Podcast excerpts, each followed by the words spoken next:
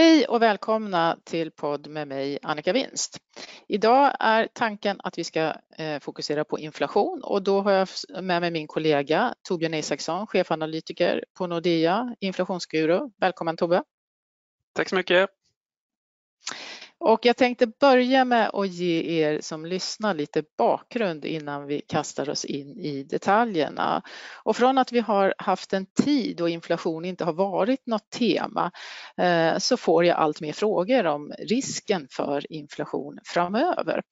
Och I botten till att vi har haft så låg inflation ligger ju förstås eh, globaliseringen med fri rörlighet, transparent näthandel och så vidare. Och centralbankerna har fört en expansiv politik men den har snarare gett tillgångsinflation, det vill säga stigande aktiepriser och bostäder än KPI eller KPF-inflation. Eh, och på de finansiella marknaderna så har fokus då varit eh, utifrån ett ränteperspektiv att räntan ska vara låg länge, low for long och man pratar low forever när man fortsätter att stimulera även i goda tider. Men debatt, debatten nu har svängt eh, till en eventuell risk eller chans beroende på hur man ser det att vi ska få lite inflation i kölvattnet av vaccinet och som skapar möjligheter för återhämtning. Men också den extremt expansiva politik som vi har runt om i, i världen. Och om man börjar att blicka ut lite så i eh, USA så har ju räntorna kommit upp en hel del. Om man tittar på tioåriga statsobligationsräntan så har den dubblerats sedan i augusti 2020 då vi hade en bottennivå och eh, vår bedömning är ju att den ska fortsätta upp och Eh, eh, nu diskuterar man då om det finns en risk att vi ska få mer inflation i USA och inte minst i kölvattnet av de här paketen som Biden lägger. Det är ju väldigt stora skillnader eh, länderna i, emellan och det är ju framförallt i USA som, som vi ser det här eh, trycket. Men om vi börjar där eh, Tobbe, extremt expansiv politik eh, ligger i, i, redan på bordet. Eh, Biden ska göra ännu mer. Men om man tittar på arbetsmarknaden så än så länge så är ju den ordentligt negativt påverkad av eh, pandemin. Och nu har man en flexibel arbetsmarknad i USA, eh, men det är ändå så att normalt brukar man behöva lite löneinflation för att få inflation. Hur ser du på det? Kommer, kommer vi få löneinflation i USA? Framöver? Ja, just den delen av inflationsdelen eh, kan ju ske, men det ligger i sådana fall längre fram. Annars tycker jag att det finns en inflationsstory i USA. Om du eh, säger längre fram, förlåt att jag bryter, men var har du vad tänker du då? Vad är längre fram för dig? Är det andra halvåret? Är det ja, nästa jag skulle, år? Jag skulle tro att du får gå in i 2022 innan du får något större lönetryck. Alltså det bygger ju på att just nu är det ju ett ovanligt stort slack på den amerikanska arbetsmarknaden och de här eh, lönetrycket ska byggas upp. Det bygger mycket på att det verkligen blir ett eh, omfattande stimulanspaket, finanspolitiskt stimulanspaket eh, och att det stort sett skapar överhettning. Det finns ju fler och fler som tror att det kan göra det. Eh, och, men det brukar ändå ta ett tag innan det syns i lönekuverten hos, hos folk. Men annars så tycker jag att det ändå finns en inflationsstory i USA eh, mer än på andra håll och det handlar framförallt om växelkursen. Då. Handelsvägt har dollarn försvagats med 7,5 procent under det senaste året. Och dessutom då nu när ekonomierna har, är på väg att normaliseras eh, efter det här jättekonstiga året 2020 då, så är det mycket priser som kommer tillbaks till normala nivåer eller i vissa fall lite högre. Och allt det här sammantaget gör då att inflationen kommer tillbaks. Eh, och jag skulle säga att den här småföretagsbarometern som en del tittar på, som heter NFIB, den tror jag också handlar mycket om att många priser normaliserats i kombination med att dollarn har försvagats så, så pass mycket. Så lägger man till en till det... så finns det, finns det ju någonstans ett, ett inflationstema. Ja, det finns också en diskussion om att hushållen har byggt upp buffertar eh, under den här pandemin, de som haft möjlighet att göra det. Man är en stor längtan efter att få konsumera tjänster. Några företag har slagits ut. Eh, de som finns kvar då har större möjlighet att höja priserna. Är det rimliga reflektioner? Ja, och det ligger väl i den här överhettningsstoryn eh, i sådana fall. Men återigen så tror jag att det ligger lite längre fram Sen kan det, det finns ju en risk också att pandemin har skapat... Är det också 2022 då som du pratar om nu? Eller? Ja, möjligen sent 2021 eller ja, 2022. Sen kan det möjligen vara så att pandemin, pandemin har skapat flaskhalsar. Det har vi sett tecken på lite här och där men eh, som skulle kunna göra lite inflation. Men flaskhalsar borde i sådana fall vara rätt eh, kortsiktiga och övergående på ett par antal månader. Men sen skulle jag vilja säga mm. då att Sen, sen handlar det mycket, vad gäller inflationsstoryn i USA då, så, så, så, ska man ju räkna med att man får se en högre inflation här under eh, kommande halvåret. Eh, men eh, sen beror det mycket vad man tror om dollarn. Stärks dollarn därefter, så ja, då kommer ju den här eh, inflationsstoryn avta, tror jag faktiskt. Mm. Och det ligger eh, i våra kort. Vi har ju haft en lång period av en dollarförsvagning och vår bedömning enligt vår senaste prognos Economic Outlook så är ju den att dollarn bottnar någonstans i, till sommaren och att den sen eh, går åt andra hållet. Men eh, det är ju som, som jag nämnde att räntan i USA har ju gått upp och fördubblats sen, sen bottennivån och vi tror att den ska göra det, dubblas en gång till till slutet av 2022. Vi har också i vår prognos att amerikanska centralbanken höjer räntan en gång i slutet av eh, 2022. Samtidigt så har ju Fed indikerat att eftersom inflationen har legat under målet en tid så kan man också då tänka sig att låta den ligga över. Hur tror du man ska tolka det här? Är, Fed beredda att släppa upp räntan och hur mycket i så fall med tanke på inflationsperspektivet? Jag tror att i och för sig att om den långa räntan sticker på grund av positiva eh, tillväxtutsikter och stigande inflationsförväntningar, då tror man det är ganska okej okay med det. Däremot så ligger det ganska långt bort att man höjer styrräntan eh, och jag tror att risken i vår prognos att det blir en räntehöjning, nu är det så långt bort som 2022, men det är väl ändå att den inte blir av. Jag tror att det har betydelse att, att Fed har en annan eh, penningpolitiskt tänk, ett annat penningpolitiskt ramverk.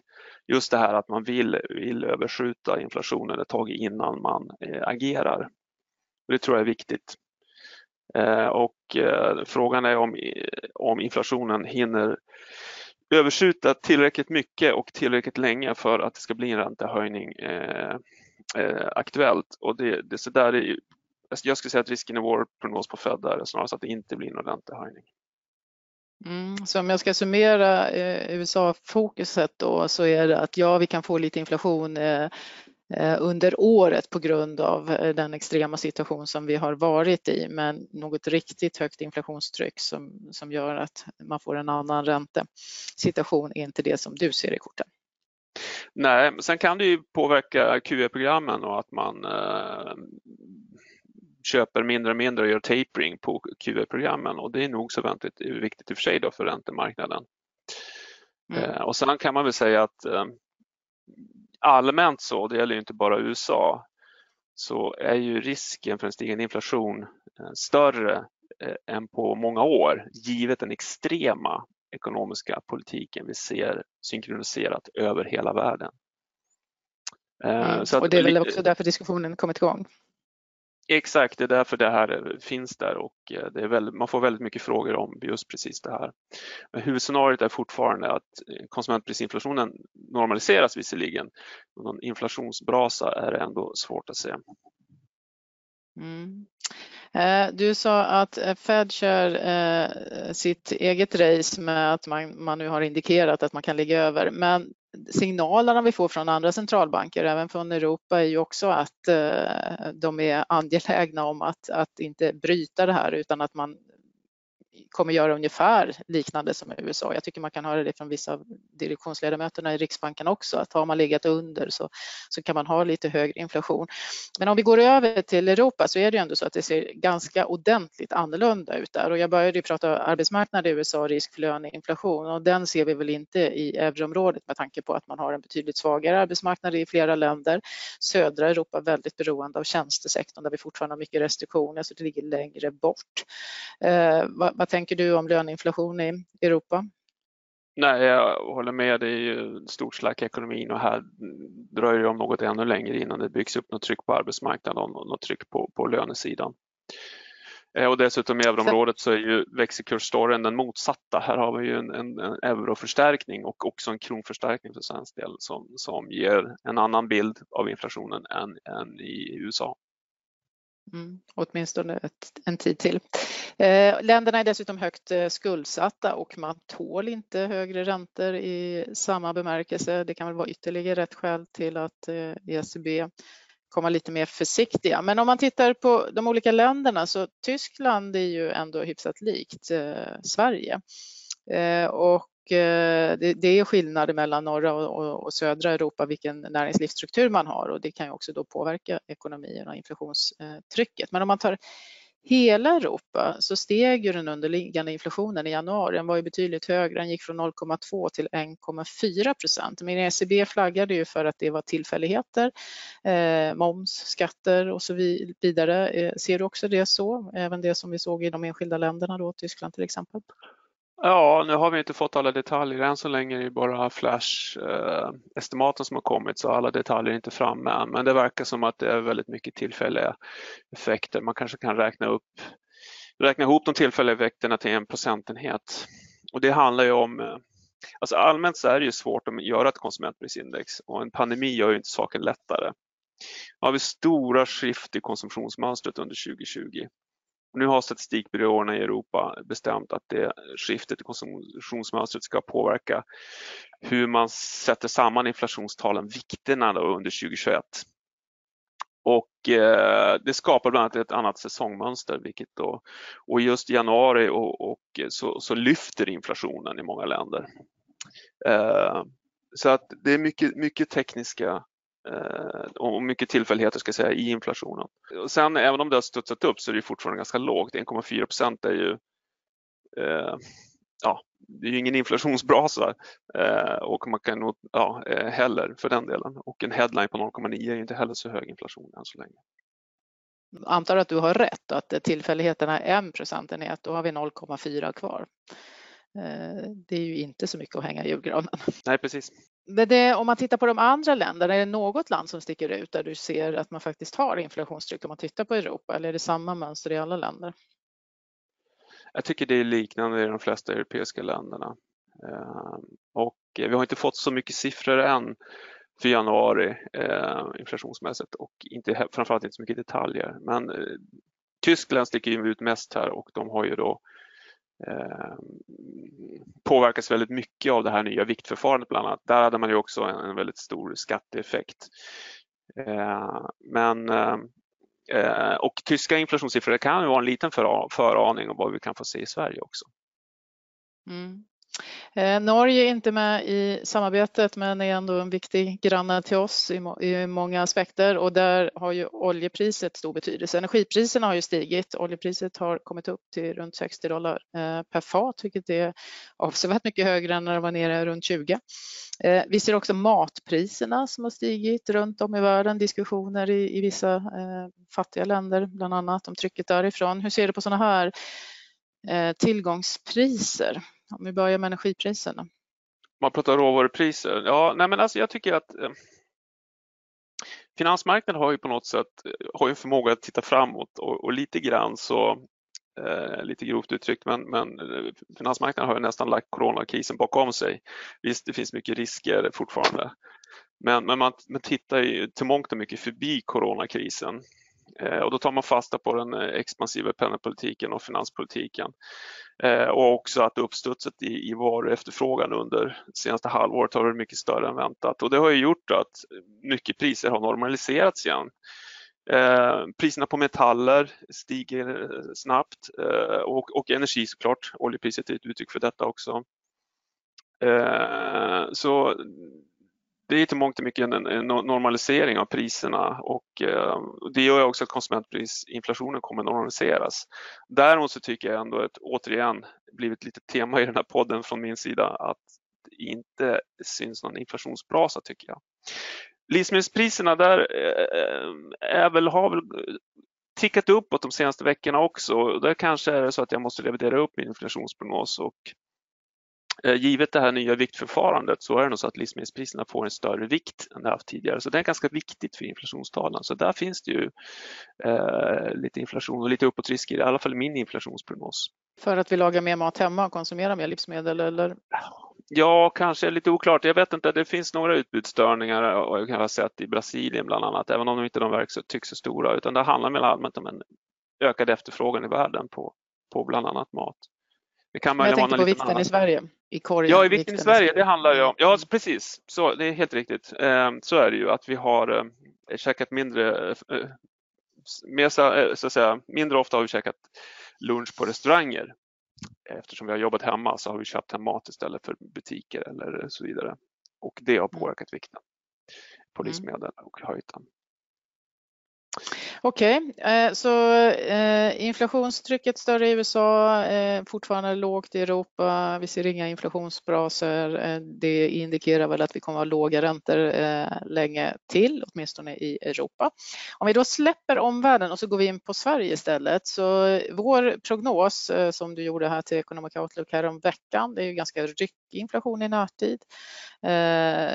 Varför ser det ut så? Och sen eh, i prognosen är det också så att vi har högre inflation första halvåret, sen faller den tillbaks. Kan du beskriva lite grann vad är det som gör att vi har den bilden? Ja, vad hoppigt det är.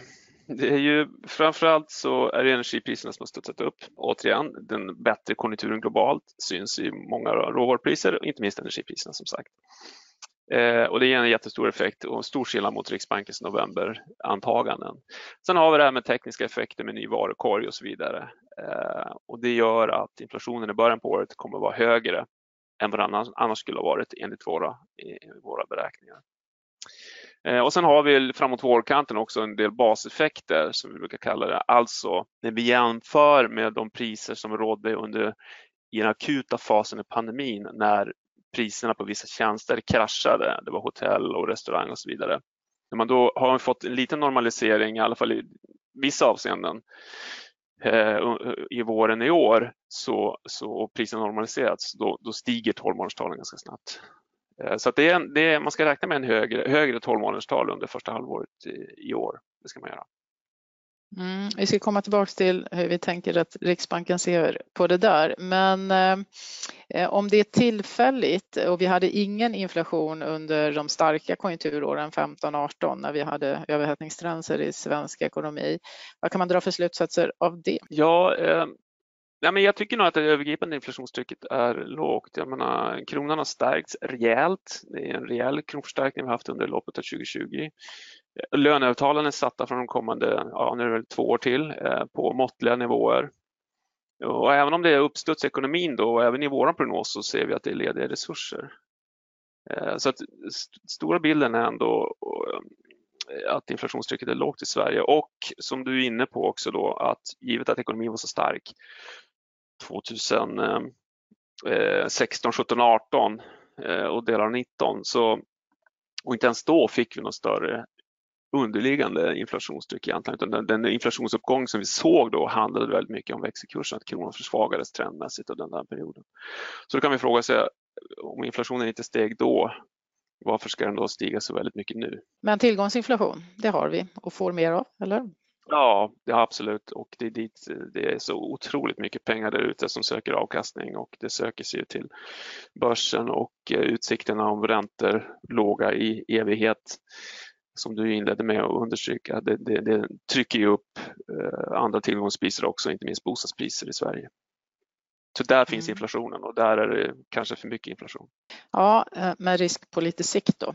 Eh, du har varit inne på varukorgen flera gånger. Om inte jag missminner mig så förra året så åkte strömmingsfiléerna ur. Har du någon annan kul trend den här gången? Du brukar dissekera Ja, jag kommer inte ihåg alla, i alla i detalj men jag tror DVD-skivor har åkt ut nu också och det är lite annat.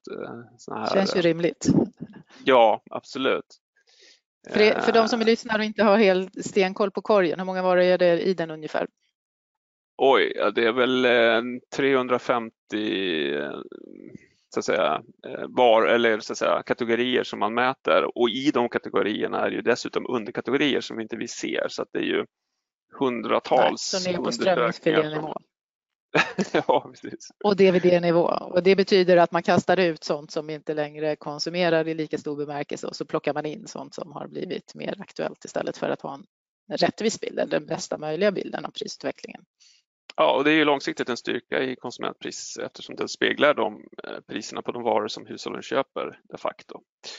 Eh, nu blir det lite speciellt då här 2020-2021 med de här stora kasten i, var, i konsumtionsmönstret. Men annars är det en bra metod att göra så. Mm. Är det något som är problematiskt i eh, Mäta? Jag vet att du brukar försvara SCB att de gör det så bra man kan, men är det någon eh, som skapar problem som är svårt att mäta, tjänster och så vidare som du ser som du vill lyfta? Ja, framförallt är det ju kan man ju inte notera priserna på många tjänster fortfarande, eh, charterresor och, och utrikesresor. Där får man ju SCB, SCB anta att priserna man får imputera som man säger, man får låta all, priserna på alla andra varor och tjänster i kopikorgen spegla på de här priserna där man inte finns priser att mäta helt enkelt. Så det understryker på grund av pandemin?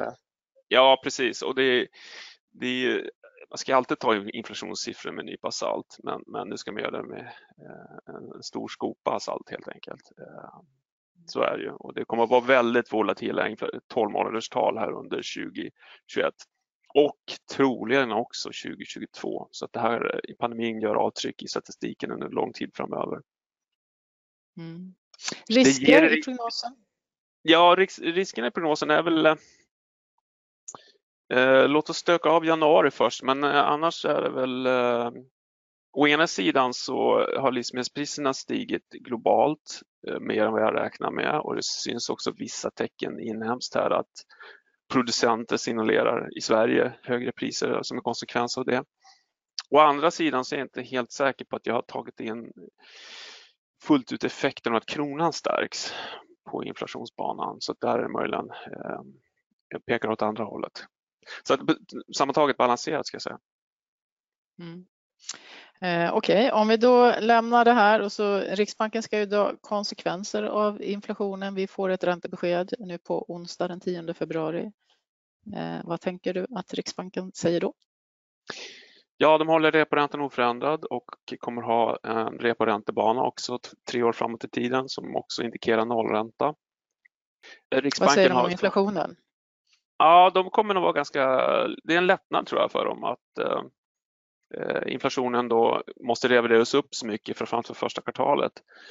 Eh, och eh, men samtidigt så kan de inte andas ut då, för att de ser också tillfälliga effekter här och eh, de ser också att, att kronan har stärkts, att det har potential att, att eh, trycka ner inflationen. Eh, och skulle kronan stärkas ytterligare så, så finns det ju rätt, ännu större prissänkande effekter av, av kronan och det, det, är något som Riksbanken vill undvika. Så det blir lite en balansgång här att vara glad över att ekonomin går bättre och att framförallt inflationen är högre än de har räknat med tidigare. Men de får inte låta sig för positiva, positiv för då kan det påverka förväntningarna på penningpolitiken och med en starkare krona som en konsekvens och det vill de undvika. Mm. Normalt brukar ju centralbanker se igenom, som man brukar säga, sådana här eh, tillfälligheter. Men den här gången är det ju till deras fördel. Kommer man vara lite mindre kommunikativ i, i tillfälligheterna eller kommer man tydlig med att det här är tillfälligheter? Och jag tror faktiskt det låter lite raljant, men jag tror att de, de, de tonar de har en tendens att eh, i mindre utsträckning tona ner tillfälligheterna när det lyfter inflationen än tvärtom. Det är nog faktiskt så. Mm. Det är väl mänskligt kanske, vad vet jag. Men annars tror jag att Riksbanken kommer att de kommer att, vara, så att säga, notera att ekonomin och arbetsmarknaden i synnerhet går mycket bättre än de hade räknat med. Men de kommer ändå betona riskerna. Jag tror överlag kommer de ha ett ganska pessimistiskt tonläge i sin rapport.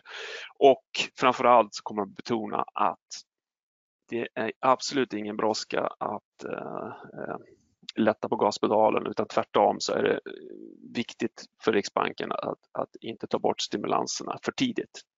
Så att någon liksom åtstramning är ändå väldigt långt borta. Mm. Så om vi ska summera det här så eh, ryckig inflation i Sverige, högre inflation första halvåret än andra halvåret. Eh, Riksbanken har fortfarande nedåtrisker och utifrån den aspekten så är vi ju närmare ECB då i, i resonemanget än eh, Fed, även om svensk ekonomi kanske är mer lik den amerikanska vad gäller återhämtningen. Något som jag har missat att fråga om Tobbe eller som du vill lägga till som avslutning? Eh, nej, jag tycker det var väl eh, det mesta som jag tänkte jag ville ta upp. Jag, jag tycker att, eh, kan man säga en kommentar om globaliseringen, det är väl ett hett ämne.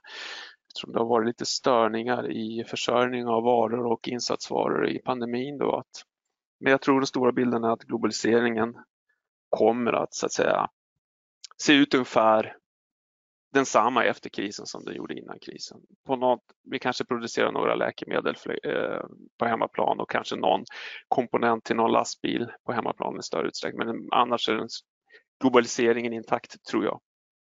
Mm. Eh, ni som är nördar och vill läsa mer, eh, Tobbe du har skrivit, eh, du skriver både inför och efter Riksbanken så det går utmärkt att gå in och titta på vår sida och hitta eh, det. Har du skickat ut den som är inför? Den har gått ut och det finns också en kommentar, preview på inflations, svensk inflation som kommer den 18 eh, februari. Mm. Härligt. Stort tack eh, Tobbe och eh, ännu mer tack till er som har lyssnat på återhörande. Tack ska ni ha.